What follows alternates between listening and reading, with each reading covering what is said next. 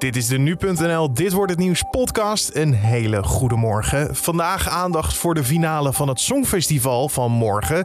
Kort geding van FC Utrecht tegen de KNVB. En de Grand Prix van Monaco staat voor de deur. Dat allemaal straks. Maar eerst kijken we kort naar het belangrijkste nieuws van nu. En mijn naam is Carne van der Brink en het is vandaag vrijdag 21 mei blijdschap om het staakt het vuren tussen Israël en de Palestijnen. Inwoners van Gaza zijn afgelopen nacht in grote getalen de straat op gegaan om de wapenstilstand te vieren. De Palestijnse Hamas-beweging claimde na het ingaan van de wapenstilstand overwinning op Israël. Met het staakt het vuren komt er na elf dagen een einde aan al het geweld. In Gaza zouden er 230 Palestijnen om het leven zijn gekomen en zijn er meer dan 1900 gewonden gevallen door Israëlische luchtaanvallen. Het Israëlische dodental staat op 12. Nederlands succes bij de tweede halve finale van het Songfestival. Want Stefania, die namens Griekenland meedoet, mag door naar de finale. Ze komt uit voor Griekenland, maar woont in Utrecht. Ze was tevens ook de jongste deelnemer van de avond.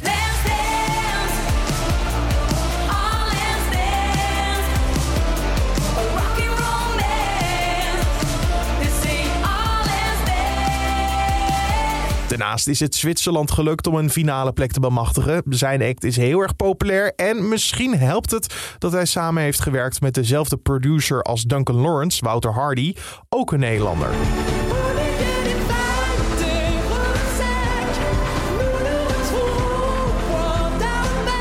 En straks praten we verder over de reacties op de tweede halve finale en wie de favorieten zijn voor de grote finale van zaterdag. De gestolen buit van de gewapende overval in Amsterdam-Noord is teruggevonden. Dat zei de Amsterdamse politiechef gisteravond bij Nieuwsuur. De overvallers hadden het gemunt op een waardetransportauto met edelmetalen... die een waarde zouden hebben van 50 miljoen euro. Tot nu toe zijn zes verdachten van de overval aangehouden... en een zevende verdachte overleed. De politie zoekt nog zeker twee andere verdachten. De politiechef was heel trots op het optreden van de agenten. Ik ben gisteren bij de debriefing geweest en dan hoor je hoe uh, vastberaden uh, mensen zijn geweest om deze, deze criminelen te pakken. Mensen die ook gewoon een sloot uh, doorlopen om gewoon erachteraan te kunnen gaan. De zoektocht in België naar de voortvluchtige militair levert weer niks op. Het uitkammen van een afgezet gebied in het Belgische Nationaal Park Hoge Kempen was niet succesvol. Jurgen C.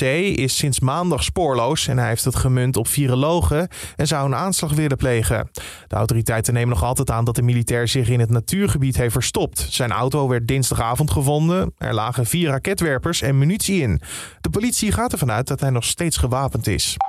En FCM is gisteravond na drie jaar gedegradeerd uit de eredivisie. De club verloor in de halve finales van de play-offs om promotie-degradatie na strafschoppen van NAC Breda. De coach van Emmen was aangeslagen, zo was te horen bij de NOS. Dat gevoel is niet te beschrijven, dat, dat, dat hoop je niet mee te maken, is ons toch overkomen. En dan, uh, ja, dan, dan heb je het gevoel dat je iedereen ook in de steek hebt gelaten. Uh, al die mensen die ons hebben gesteund, die hebben dit niet verdiend. Alleen het gebeurt toch. De andere wedstrijd ging tussen NSC en Roda JC. Het duel eindigde in 3-0 voor NSC. En deze fan is dolblij bij Omroep Gelderland. Ik ben hartstikke blij. Ik, ben, ik was zo zenuwachtig de hele week al. Maar na de 1-0 was de hele stress tegelijk af. En uh, toen had ik alle vertrouwen in dat we gingen winnen vanavond. En we hebben het gezien, 3-0. De politie heeft wel na de wedstrijd moeten ingrijpen bij het stadion in Nijmegen. Er gold een noodbevel, maar NSC-supporters kwamen toch feest vieren. Er zijn twee supporters aangehouden. En dan kijken we naar vandaag en dit weekend. Wat, wat staat er allemaal te gebeuren? Niet vanavond, maar morgenavond is het namelijk tijd voor de grote finale van het Songfestival. Tja, aangezien we op zaterdagochtend geen podcast hebben, blikken we daar deze ochtend alvast even op vooruit. Maar eerst gisteravond, want ja, wat waren de reacties op de tweede halve finale? Songfestivalverslaggever Lara Zevenberg blikt kort terug. Nou, de tweede halve finale viel natuurlijk een beetje tegen ten opzichte van die eerste halve finale. Dat was gewoon een stuk spannender. En nu waren er eigenlijk meer landen waarvan we zeiden met z'n allen, nou die kunnen wel weg. Dan dat er landen waren waarvan we zeiden, nou die moeten echt door. Heel even zat er wat spanning in toen Albanië als eerste genoemd werd en favorieten als Griekenland en bijvoorbeeld Finland ook achterbleven. Ja goed, die zijn uiteindelijk toch gewoon door. Als je nu kijkt naar die 26 finalisten valt één ding echt wel op. twee leden van de Big Five, Frankrijk en Italië, zijn nu veruit de populairste. We zien ook nog wel wat schommelingen. Bijvoorbeeld Malta staat nog steeds redelijk vaak in de top 5. Zwitserland komt er vaak in. En Bulgarije is ook een stuk gestegen. Maar Oekraïne wordt ook steeds populairder. Het is vandaag geen rustdag voor de artiesten, want zeker de avond is zeer bepalend. Vandaag hebben we twee repetities. Smiddags mag de pers aanwezig zijn bij de allereerste repetitie van de finale. En s'avonds worden de jurypunten uitgedeeld. Dat is een belangrijk moment voor alle artiesten.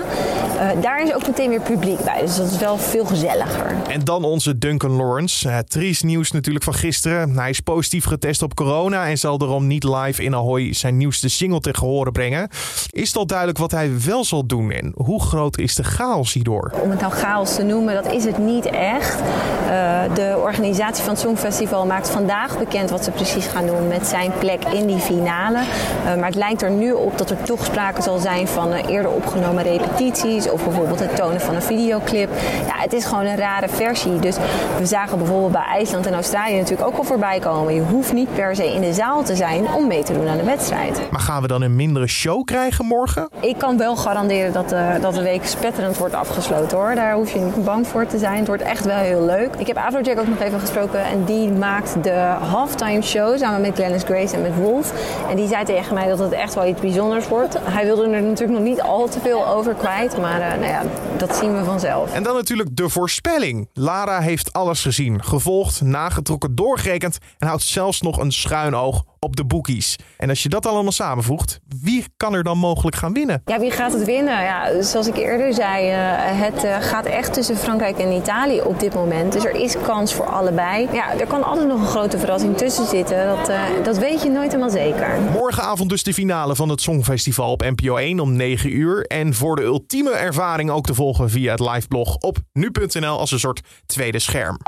En vandaag op de agenda een kort geding. Dat heeft FC Utrecht tegen de KVB aangespannen.